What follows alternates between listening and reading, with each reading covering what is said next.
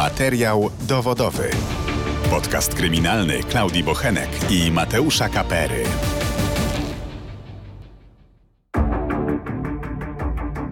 Dzień dobry. Słuchacie podcastu kryminalnego Radia Z Materiał dowodowy. Przed mikrofonem Klaudia Bochenek. i Mateusz Kapera. A dziś przedstawimy historię kolejnego zaginięcia. Jak mówili nam policjanci i prokuratorzy, takiego zaginięcia w powojennej historii Polski jeszcze nie było. A chodzi o zaginięcie rodziny Bogdańskich. Funkcjonariusze mówią, że mm, Bogdańscy przepadli dosłownie jak kamień wodę i mimo upływu aż 19 lat nadal nie ma zbyt pewnego punktu zaczepienia w tej sprawie. E, Pod uwagę brana jest zarówno e, idealnie zaplanowana ucieczka, jak i niewyjaśnione morderstwo. Smaczku tej historii dodaje to, że chodzi o pięcioosobową rodzinę, a za e, głową rodziny panem Krzysztofem Bogdańskim został wysłany list kończy. Zapowiada się bardzo fascynująca historia, którą już za chwilę będziecie mogli wysłuchać e, w reportażu Klaudii Bochenek. E, Zanim to jednak nastąpi, mamy do Was gorącą prośbę. E, Jeśli podobają się Wam odcinki naszego podcastu, to prosimy o zasubskrybowanie kanału Radia Z w serwisie YouTube. Tam znajdziecie wszystkie odcinki podcastu. Dostępne są one również na player radioz.pl oraz na platformach streamingowych Spotify i Apple Podcast. Tam możecie wystawić ocenę i recenzję naszych y, odcinków. A już teraz zapraszam, zapraszamy do odsłuchania reportażu Klaudii Bochenek. Materiał dowodowy. Podcast kryminalny Klaudii Bochenek i Mateusza Kapery. Mija 19 lat od zagadkowego zaginięcia pięcioosobowej rodziny Bogdańskich ze Starowej Góry pod Łodzią. 44-letnia Bożena i 42-letni Krzysztof wychowywali dwójkę dzieci, 16-letnią Małgorzatę oraz 12-letniego Jakuba. W domu zamieszkiwała również mama Krzysztofa, 66-letnia Danuta. Rodzinę po raz ostatni widziano w kwietniu 2003 roku, a miesiąc później, 8 maja, zgłoszono ich zaginięcie. Dom Bogdańskich w Starowej Górze sprawia wrażenie zamieszkałego. Mimo 19 lat nieobecności mieszkańców, nie wygląda jak rudera. W oknach wiszą firany, a uwagę zwraca zadbany ogród. O nieruchomość dbają bliscy zaginionych. Na wsi mało kto już pamięta o wydarzeniach sprzed lat. Działki są sukcesywnie sprzedawane i co chwilę można natrafić na budowę nowych domów. Sąsiedzi wspominają rodzinę Bogdańskich jako spokojnych i ułożonych. Bożena była miła i uczynna, podobnie jak dzieci, które uczęszczały do prywatnych szkół. Zawsze znalazła chwilę na rozmowę. Z kolei Krzysztof pełnił rolę zaradnego, stanowczego i zapracowanego pana domu. Czasami było go widać na podwórzu, dopieszczającego budynek, a jego głowa była zajęta pomysłami na kolejne biznesy. Zresztą jego interes polegający na sprowadzaniu z zagranicy części komputerowych kwitł. Żyli na wysokim poziomie, jeździli dobrym autem. Przed domem parkowali Volvo S70. Rodzina też co niedziela pojawiała się w kościele. Sąsiedzi są zdania, że zaginieni żyją, jednak nie chcą wnikać w powody, dla których nie chcą się ujawniać i wrócić do Starowej Góry. Uważają, że teraz wszystko w rękach śledczych. W kwietniu 2003 roku pojawiły się pierwsze sygnały, że w rodzinie Bogdańskich narodziły się poważne problemy. Wtedy też po raz ostatni Bożena rozmawiała ze swoją siostrą Danutą. Mówiła, że ma kłopoty, ale o wszystkim będzie mogła opowiedzieć w cztery oczy przy okazji spotkania. Kiedy Danuta pojechała do Starowej Góry, nie zastała Bożeny. Co więcej, Krzysztof nie chciał wpuścić jej do domu. Niedługo później u Bogdańskich pojawił się ojciec zaginionej Tadeusz. Udało mu się porozmawiać z Krzysztofem, który poinformował, że Bożena wraz z dziećmi wyjechała do Wrocławia. Małżeństwo miało w planach założyć w stolicy Dolnego Śląska biuro turystyczne. 44-latka miała wziąć udział w kilkudniowym kursie przygotowawczym do otwarcia nowego biznesu, a po nim zwiedzić miasto wraz z Małgosią i Kubą. Danuta miała jeszcze okazję, aby porozmawiać z Krzysztofem. Nie miała jednak pojęcia, że to ostatni raz, kiedy słyszy szwagra. Powiedział, że całą rodziną chcą jechać do Niemiec, do przyjaciółki żony. Chcieli tam spędzić święta. Jeszcze w Wielki Piątek jedna z sąsiadek miała rozmawiać z Krzysztofem. Napomknął, że rodzina jest we Wrocławiu, a matka, 66-letnia Danuta, wyjechała do znajomych. Był też zajęty malowaniem ścian na strychu. Święta minęły, a rodzina nie odpowiedziała na życzenia wielkanocne i nie dawała znaku życia. Okazało się, że nie pojechali do Niemiec. 8 maja 2003 roku zgłoszono zaginięcie pięciorga osób. Dom wyglądał tak, jakby bogdańscy opuścili go dosłownie na chwilę. Zostały kosmetyki, ubrania, ładowarki do telefonów, notesy, tornistry, potrzebne lekarstwa, jedzenie, a nawet walizki. Mama zaginionej Bożeny powiedziała policji, że brakuje jedynie piżamy wnuka. Co ciekawe, w znalezionych komputerach nie było twardych dysków. Zabrał je Krzysztof, czy też ktoś z zewnątrz? Czy znajdowało się na nich coś, przez co mieliby kłopoty? A może Krzysztof planował ucieczkę i starał się zatrzeć ślady? W domu nie znaleziono też paszportów, dowodów osobistych i dokumentów prawa jazdy. Na wsi niektórzy mówili, że przez próbę odbicia się od dna Krzysztof wpadł w złe towarzystwo i bandyci w ramach zemsty pozbyli się Bogdańskich. Co stało się z rodziną? Mnożyły się przeróżne hipotezy. Od porwania, zabójstwa, rozszerzonego samobójstwa, wstąpienia do sekty, aż do ucieczki.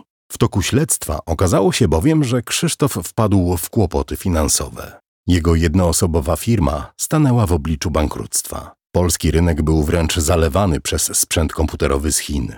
Był tańszy i łatwiej dostępny. Krzysztof musiał szukać dodatkowego źródła zarobku, aby tak jak do tej pory żyć na wysokim poziomie i nie odmawiać niczego sobie oraz bliskim.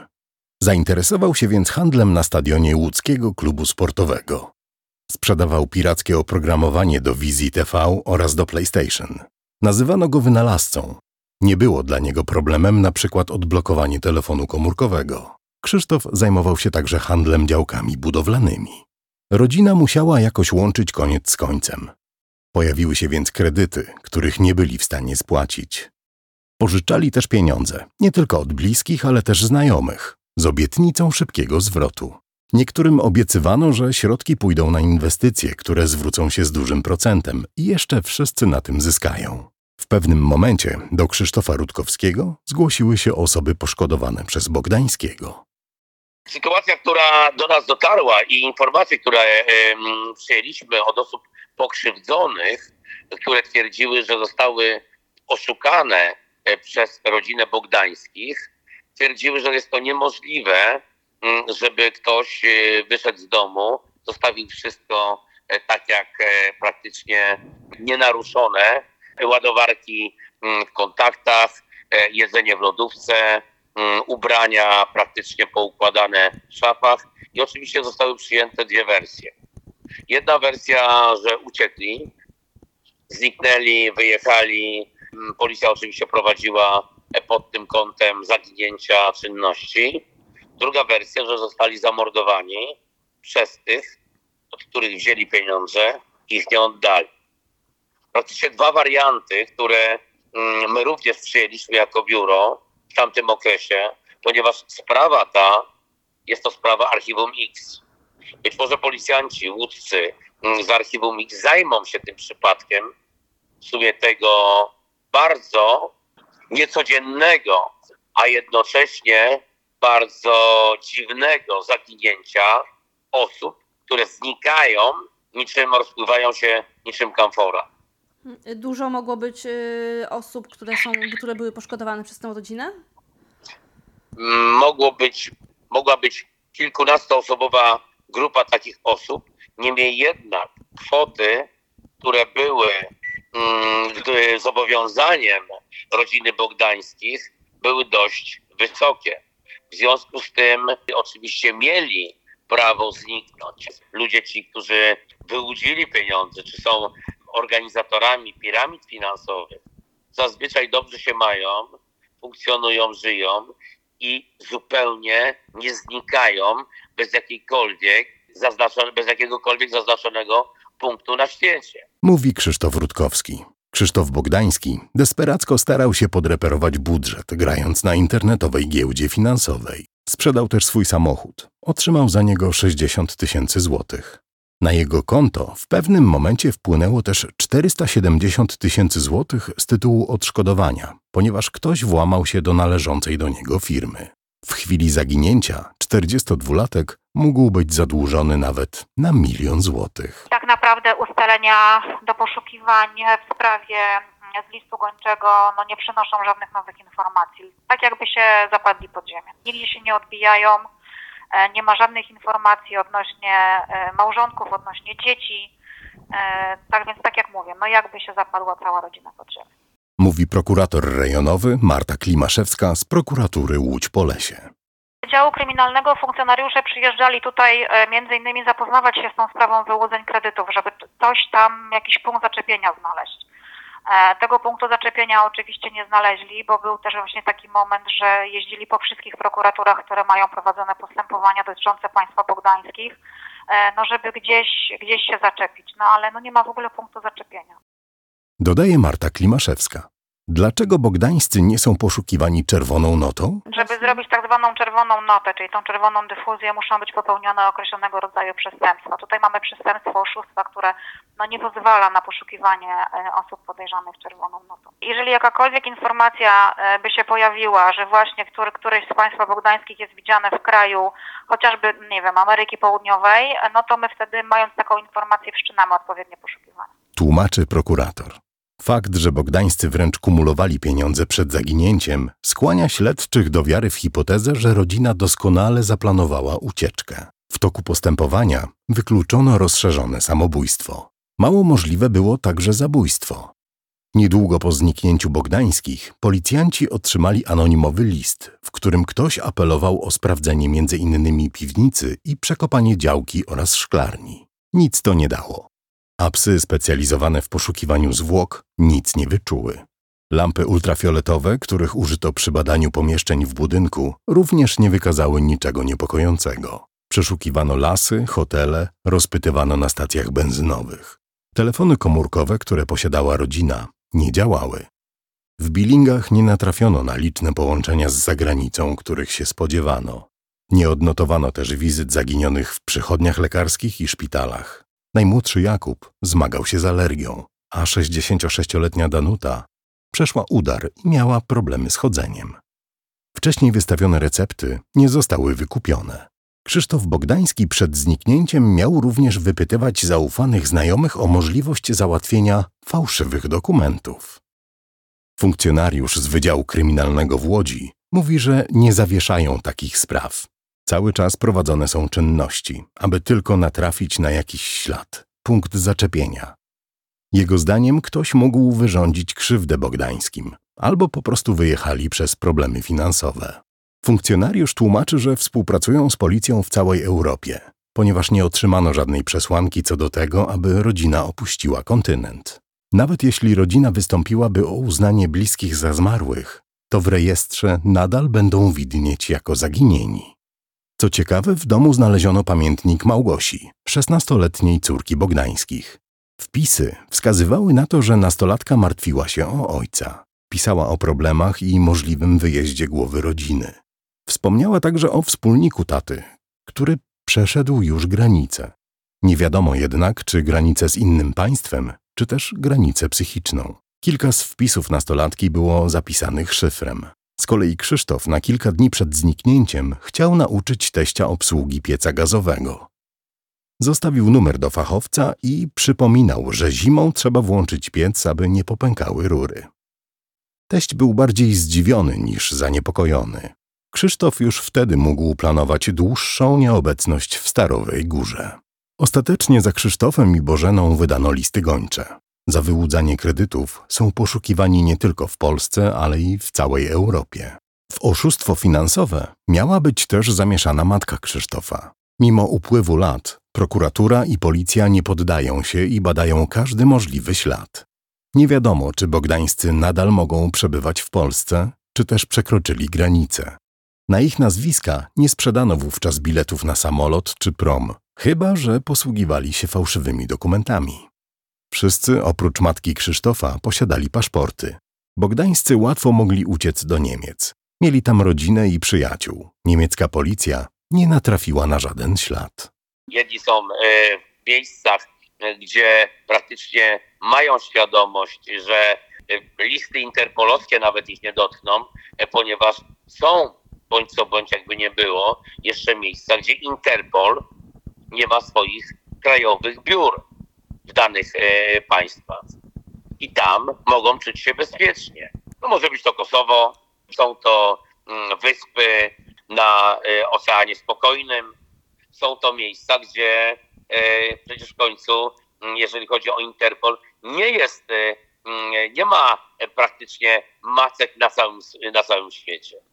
Także tutaj większość oczywiście państw jest w Interpolu, ale sytuacje geopolityczne niejednokrotnie nie dają możliwości działania skutecznie Interpolu, tak jak ma pani w tym momencie Rosję, mm, ma pani Białoruś, gdzie również jest odcięta od współpracy z Interpolem. Oczywiście depesze są przekazywane, jeżeli chodzi o osoby poszukiwane, a nie, ale respektowanie ich może być bardzo trudne. Jest Wenezuela, gdzie praktycznie nie dodzwoni się pani do żadnej jednostki policji, ponieważ rządzi wojsko. Mhm. I są to miejsca, są to punkty, gdzie ci, którzy chcą zniknąć, e, jest Dubaj, który oczywiście jest w Interpolu, ale nie wszystkie listy kwalifikują się do deportacji. Także to też jest bardzo istotne i bardzo ważne.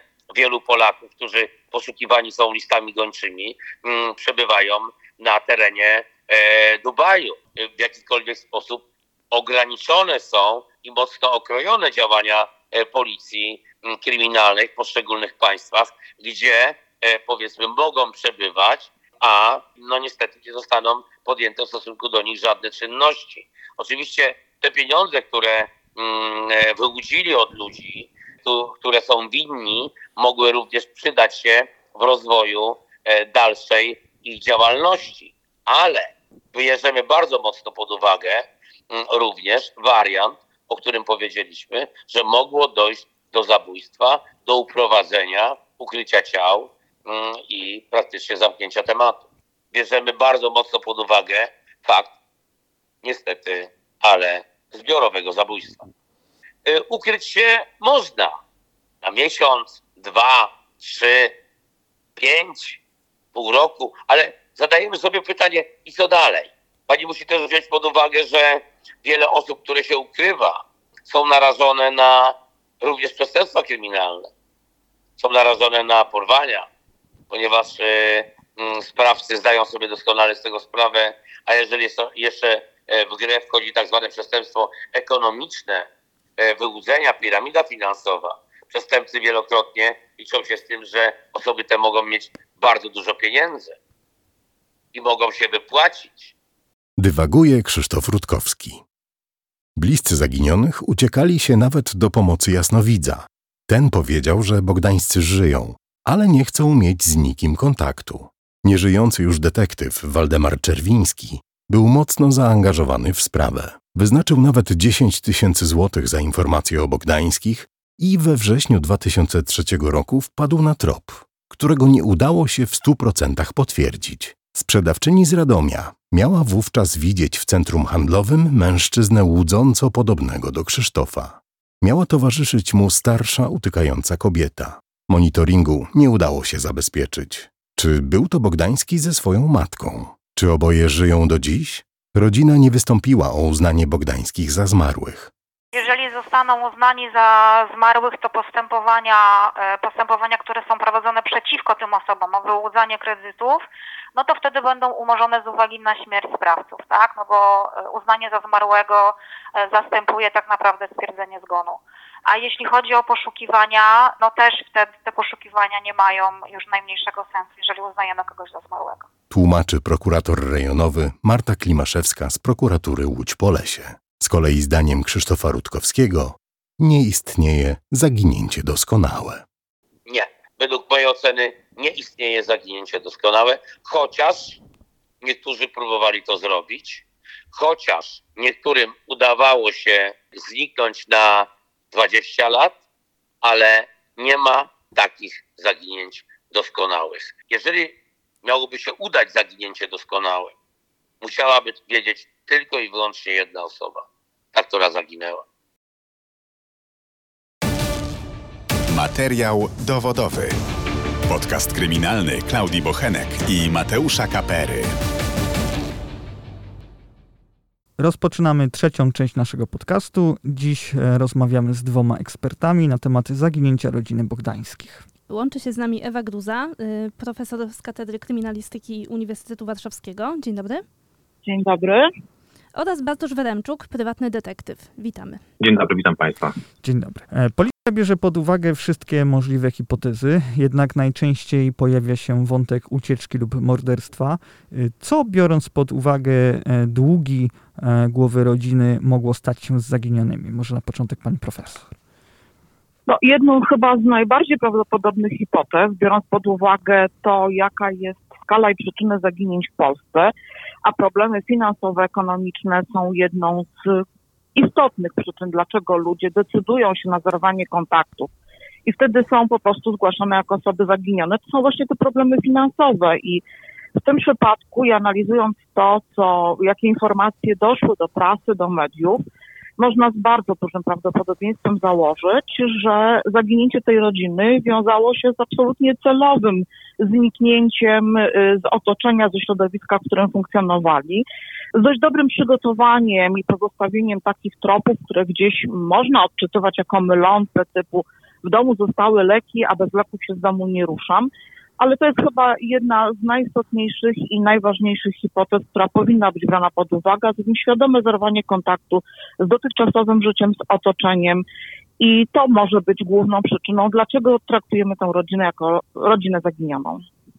Znaczy, oczywiście jest to chyba jedna z e, najważniejszych hipotez stawianych przez śledczych i nie tylko. No przy czym należy też wziąć pod uwagę, że e, dzieci i starsza osoba schorowana tutaj na dzień zaginięcia, matka pana Krzysztofa miała 66 lat, no to są bardzo słabe ogniwa, więc tak naprawdę zaplanowanie e, takiej ucieczki i nie- niezauważeni e, gdzieś tam przybywający w różnych, nie wiem, być może krajach europejskich czy, czy, czy innych, uważam, że mogłoby to być stosunkowo trudne. No załóżmy, że taki 12-letni syn czy 16-letnia córka e, mogliby nawet w jakimś stopniu rozmawiając z koleżanką, z przyjacielem, z przyjaciółką, no jednak powiedzieć o czymś takim, e, no i dalej taka, taka, taka historia mogła zostać by ujawniona dalej, więc jakby tutaj oczywiście hipoteza o tym, że cała rodzina e, wspólnie zaplanowała to, czy chociażby pan Krzysztof zaplanował to i, i jakby zarządził, e, ponieważ on tutaj był głową rodziny i to on decydował o wszelkich sprawach i majątkowych i innych e, w, w, domu,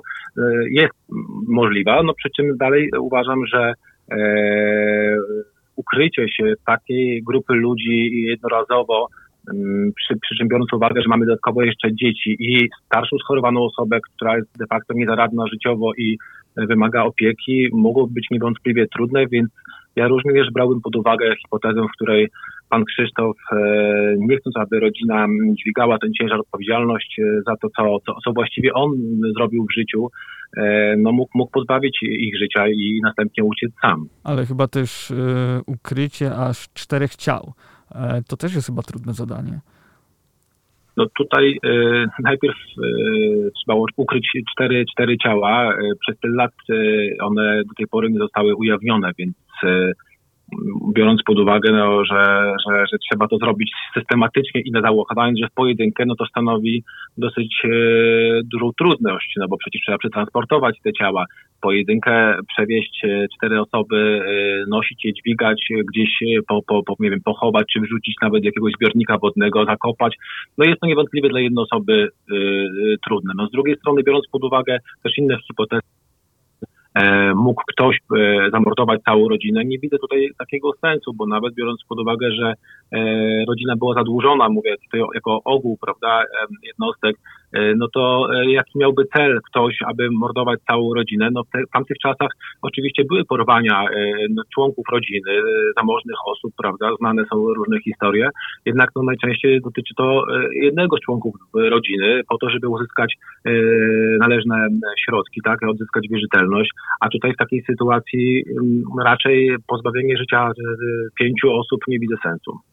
E, Tutaj nawet pojawił się taki też e, w rozmowie z, z, z sąsiadami, z policjantami, że mógł być e, nawet taki motyw e, zemsty, e, czyli mm, te osoby, e, które pożyczyły Bogdańskiemu pieniądze, a potem ich nie odzyskały, mogły się e, chcieć e, zemścić, e, na przykład na jego bliskich.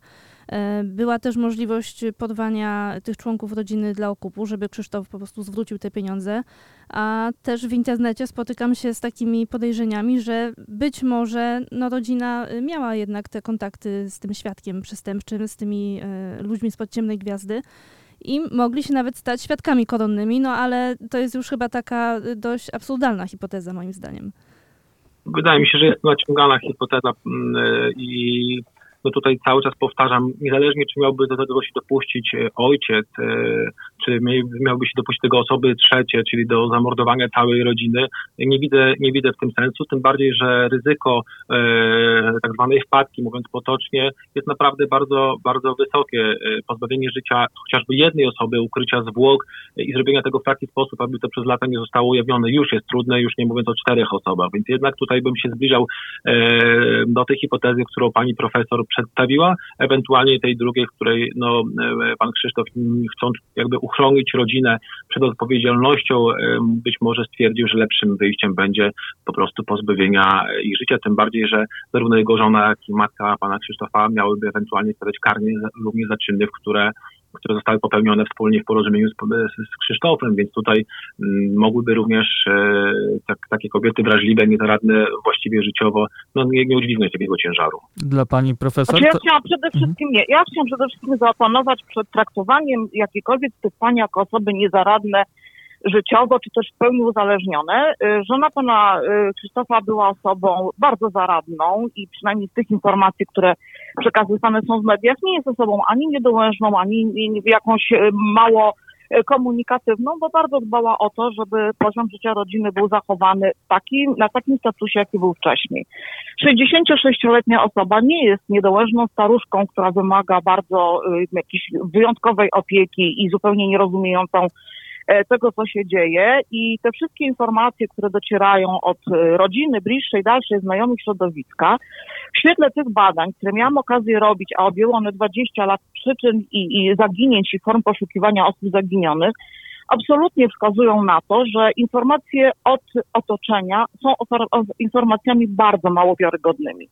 Po pierwsze, większości osób się wydaje, że kogoś zna, że jak ktoś jest sąsiadem, to doskonale wie, co się w tej rodzinie dzieje. Jest to absolutnie nieprawda. I otoczenie, i środowisko, i współpracownicy, i rodzina najczęściej mają bardzo powierzchowną i bardzo mm, taką, powiedziałabym, mało wiarygodną informację na temat rodziny, więc nie należy takich informacji traktować jako rzeczy priorytetowe. Nie zgodzę się absolutnie z tezą taką, że przyczyną zaginięcia tej rodziny, bo ciągle mamy status osób zaginionych, to są jakieś rozrachunki, jakaś zemsta. Po pierwsze, jeżeli nawet włączymy to jakiś wątek gangsterski, to gangsterzy nie bawią się w zakopywanie, w ukrywanie pięciu ciał do osób, tylko robią to w taki sposób, żeby dać również znak, jeżeli jesteś nam winien pieniądze, to zobacz, co się dzieje. Poza tym prześledźmy też tak naprawdę wszystko to, co się działo poprzedzanie, takie poprzedzające zaginięcie. Narobienie długów, pożyczanie na ostatnią chwilę dużych kwot pieniędzy. Tam były również doniesienia o sprzedaży samochodu. Cichutko, spokojnie, nie informując nikogo, wyrobienie paszportów.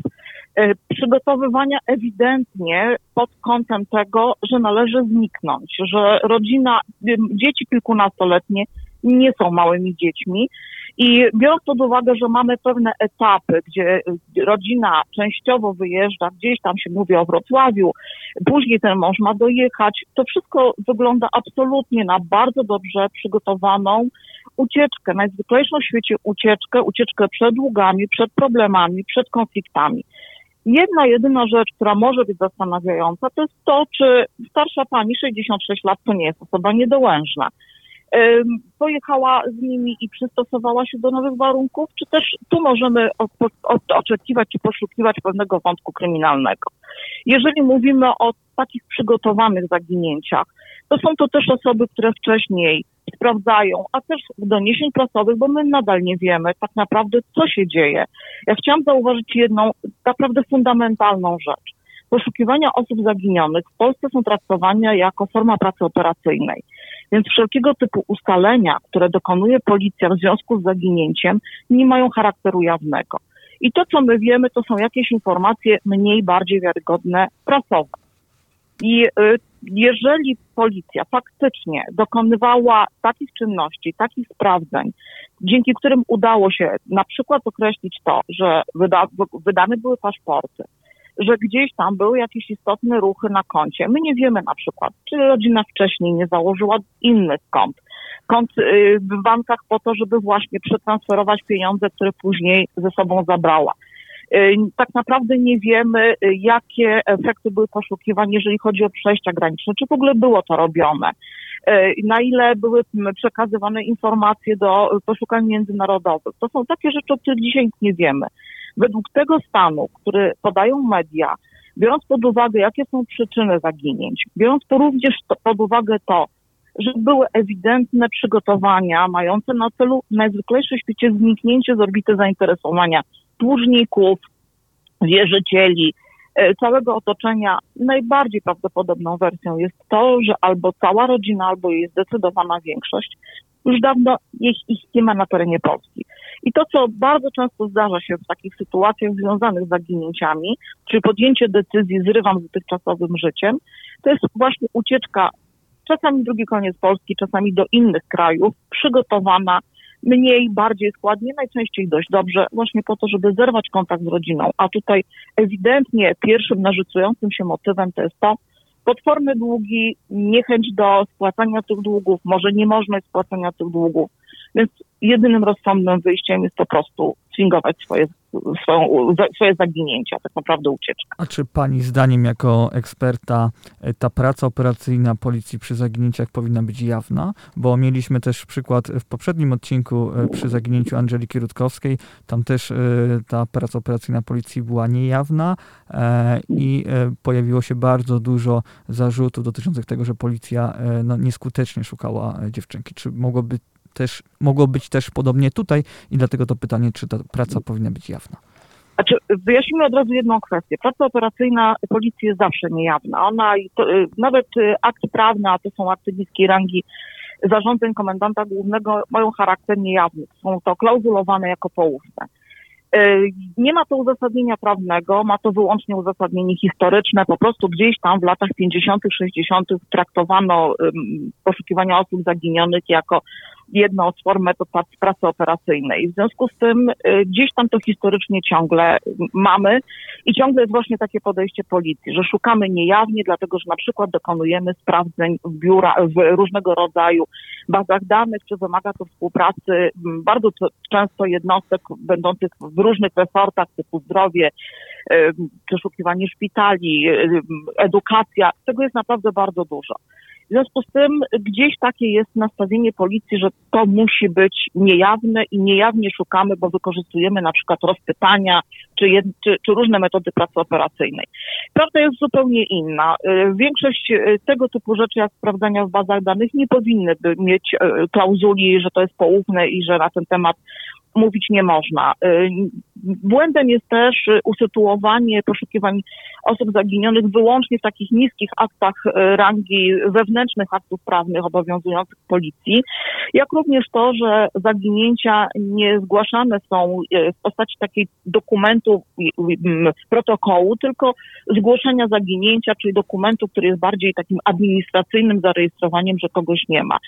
I, i takie podejście policji, tak bardzo niskiej rangi aktu prawne, które regulują zaginięcia osób w Polsce, w dużym stopniu przyczyniają się do tego, że po pierwsze, ani opinia społeczna, ani możliwość tej współpracy w poszukiwaniu osób zaginionych, między innymi podmiotów zewnętrznych, jak organizacje pozarządowe, przebiega dość słabo. Podpisywane porozumienia są lakoniczne. Poza tym mało kto o tym wie, a to są też wyniki przeprowadzonych y, badań że my mamy bardzo różne podejście do zaginięć osób w skali kraju. W jednych województwach traktuje się je bardzo priorytetowo i właściwie w każdym takim zaginięciu, które w pierwszej fazie zgłaszania no, nie daje za bardzo mhm. podstaw, żeby uważać, że to jest ucieczka, a bardziej się skłania ku stwierdzeniu, że może być to jakiś czyn zabroniony, czyli jakieś podłoże kryminalne. Czyli reasumując, powinniśmy, powinno dojść do tego, żeby, te, żeby ta praca operacyjna, nie wiem, ogólnie albo przy, tylko przy zaginięciach była jawna, czy, czy raczej nie powinniśmy do tego Nie może być to praca operacyjna, bo ona nigdy nie będzie jawna. Po prostu poszukiwania osób zaginionych nie powinny być traktowane i nie ma na to uzasadnienia prawnego jako praca operacyjna. I wtedy zdecydowanie y, byłoby to skuteczniejsze, chociażby dlatego, że można byłoby wykorzystywać te instrumenty, które dzisiaj daje prawo, jak chociażby czynności wynikające z kodeksu postępowania karnego. E, ja tu się jeszcze wtrącę i doinformuję, ponieważ niemiecka policja e, była w kontakcie z polską policją, ponieważ tam mieliby rzekomo wyjechać e, Bogdańscy do, do swoich znajomych lub bliskich. No, nie znaleziono po nich żadnego śladu, również nie znaleziono ich nazwiska na, na lotniskach. No, mogły być to właśnie, mogli posługiwać się fałszywymi dokumentami, oczywiście. I, i pytanie do, do pana Bartosza, jakie podjąłby pan dziś kroki, mając do dyspozycji spory no, od 2003 roku, postęp technik śledczych i badawczych?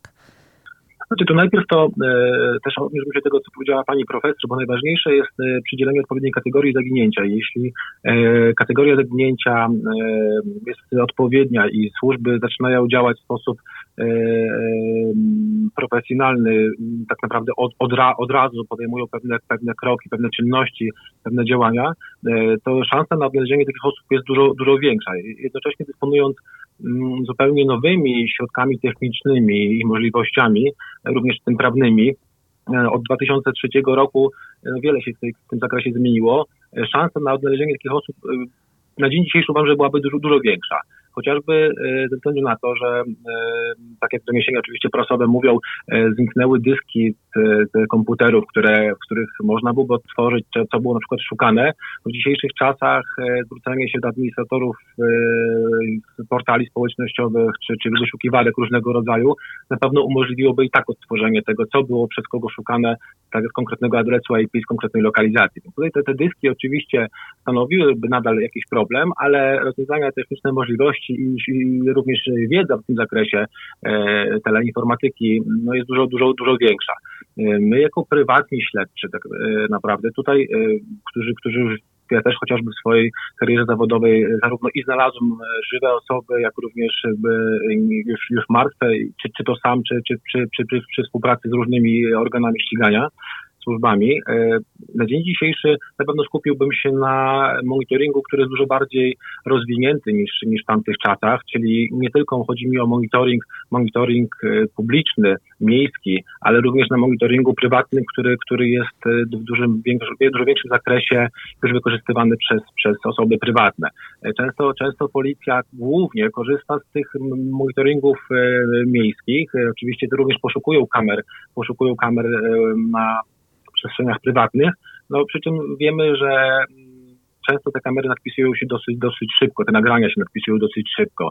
E, w momencie, kiedy zaginięcie jest zgłoszone zbyt późno, bądź po jakimś czasie, prawda, chociażby tutaj mamy, mamy miejsce, hmm, chyba około miesiąca czasu minęło e, od, od, od, od momentu mm, ostatnio, widzianego pana Krzysztofa, Dokładnie. Właściwie rodziny, to wiele z tych kamer już mogło się oczywiście nadpisać, ale, ale, ale nie wszystkie. No więc na pewno byśmy poszukiwali tutaj, e, tutaj kamer.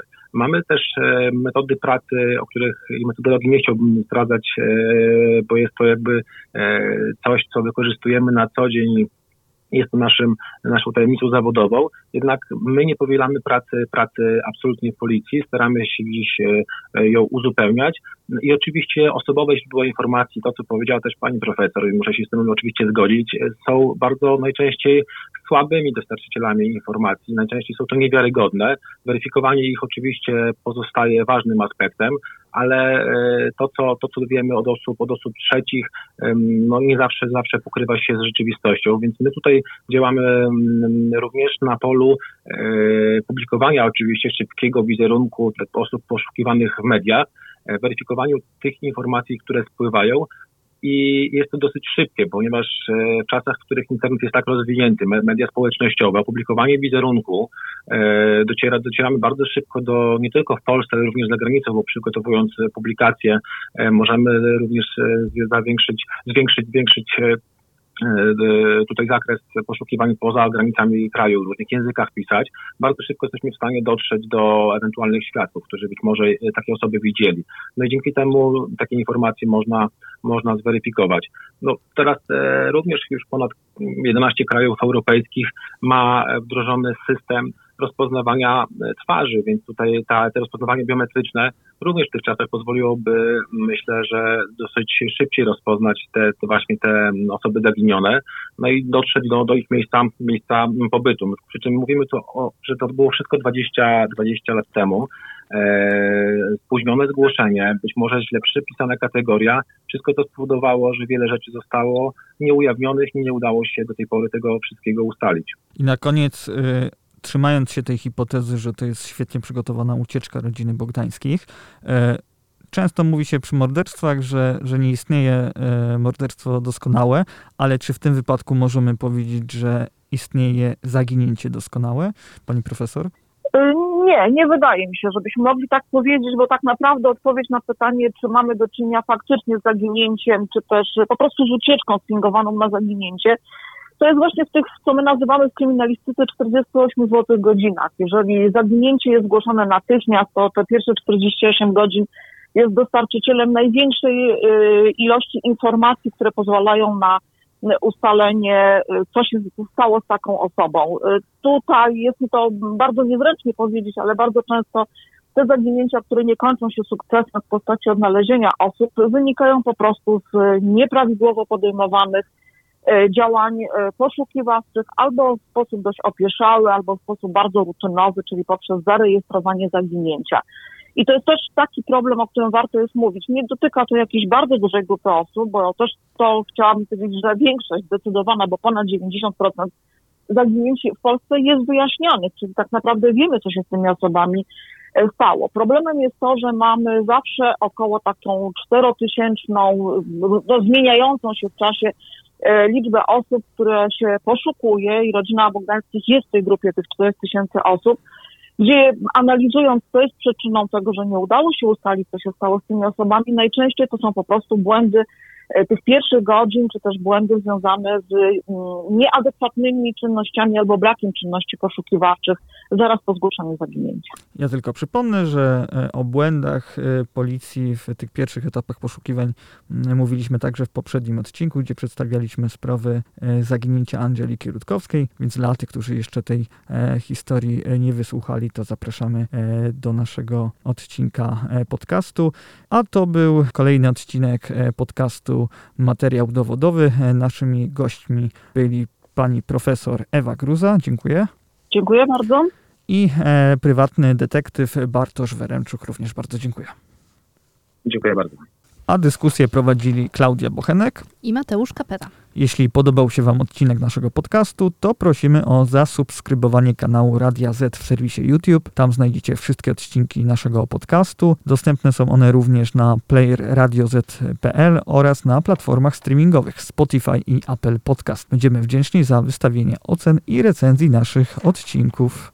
Dziękujemy za wysłuchanie tego odcinka i do usłyszenia. Do usłyszenia. Materiał dowodowy.